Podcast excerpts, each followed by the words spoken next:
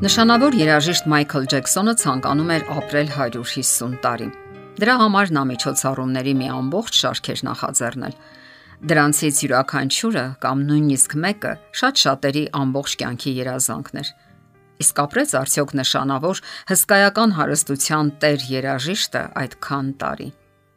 Նա տանը նշանակեց 12 բժիշկների, ովքեր ամեն օր պետք է հետազոտեին նրան մազերից մինչև եղունգների ծայրը։ Նրա սնունդը մատուցելուց առաջ խիստ ստուգումների պետք է ենթարկեին լաբորատորիայում։ Եվս 15 հոգի մարզիչներ էին նշանակվել նրա ամենօրյա վարժություններն ու մարզումներն ապահովելու համար։ Նրա մահճակալը հագեցած էր թթվասնի մակարդակը կարգավորելու տեխնոլոգիայով։ Եվ որ ամենաուշագրավն է, նրա համար պատրաստ էին պահում օրգանների դոնորներ, որpիսի անհրաժեշտության դեպքում նրանք անմիջապես իրենց օրգանը նվիրաբերեին։ Այս դոնորների նյութական հարցերն ու խնամքը հոգացել էր նա։ Իսկ որն էր հարցը։ Նա երազում էր ապրել 150 տարի։ Ավաղ նրան վիճակված չէր այդքան տարիների նույնիսկ կեսն ապրել։ 2009 թվականի հունիսի 25-ին 50 տարեկանում նրա սիրտը դադարեց բաբախել։ Այդ նշանակված 12 բժիշկների ջանքերը դատապարտված էին ցախողման։ Նույնիսկ Լոս Անջելեսի եւ Կալիֆոռնիայի լավագույն բժիշկների համատեղ ջանքերը չկարողացան փրկել նրա կյանքը։ Այն մարդը, ով իր վերջին 25 տարիների ընթացքում առանց բժիշկների խորհրդի մեկ քայլ անգամ չեր անի, պարզապես դատապարտված էր ցախողման, որովհետև նա սխալ տեղ էր որոնում իր ապահովությունն ու փրկությունը եւ երբեք չէր կարող իրականացնել 150 տարի ապրելու իր երազանքը։ Նշանավոր երաժիշտը մահացավ Ջեքսոնի վերջին ճանապարհորդությունը ուղիղ եթերում դիտել է 2.5 միլիոն մարդ, ինչը մինչև օրս ամենաերկար ուղիղ հեռարձակումն է։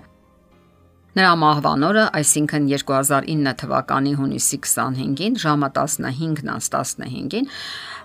որոշ մեդիա կայքեր դադարեցին աշխատել։ Մոտ 8 միլիոն մարդ միասին սկսեցին փնտրել Մայքլ Ջեքսոնին Google-ում։ Այդ ինքնավստահ անznավորությունը Մայքլ Ջեքսոնը փորձեց մարտահրավեր նետել մահվանը, բայց մահը հետ կանչեց նրան։ Այս նյութապաշտական աշխարհում այնքան էլ հեշտ չէ մարտահրավեր նետել մահվանը եւ հաջողության հասնել։ Սա է կյանքի կանոնը։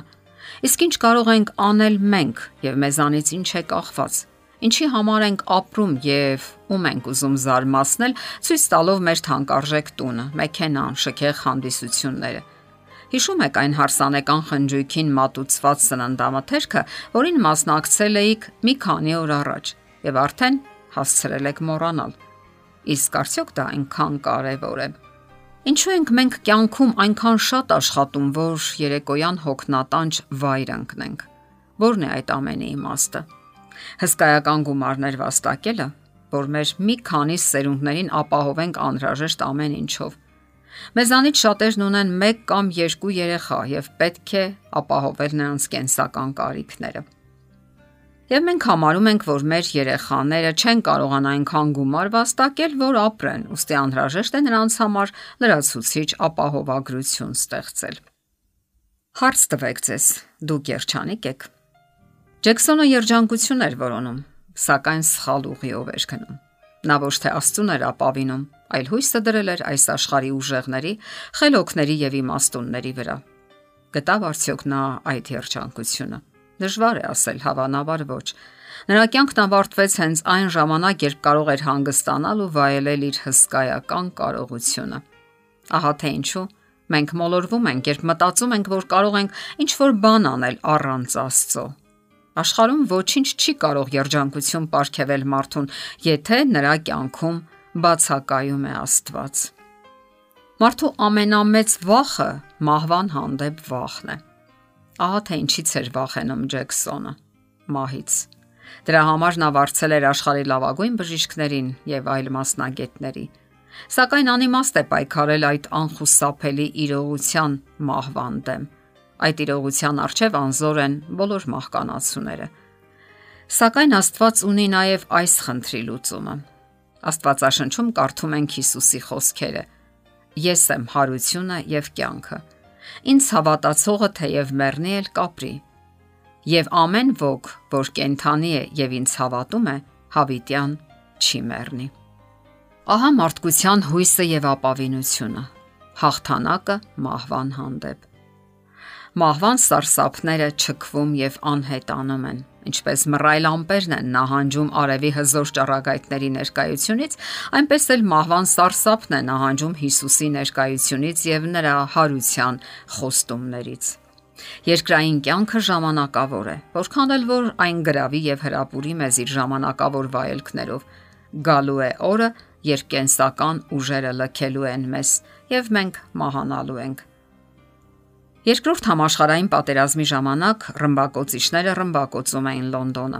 Շնամու ինքնաթիռները գիշեր ու ցերեկ հարվածներ էին հասցնում Լոնդոնի բոլոր թաղամասերին։ Ամենուր հրդեհի հետքեր էին, ամբողջական թաղամասեր ավերակների էին վերածվել։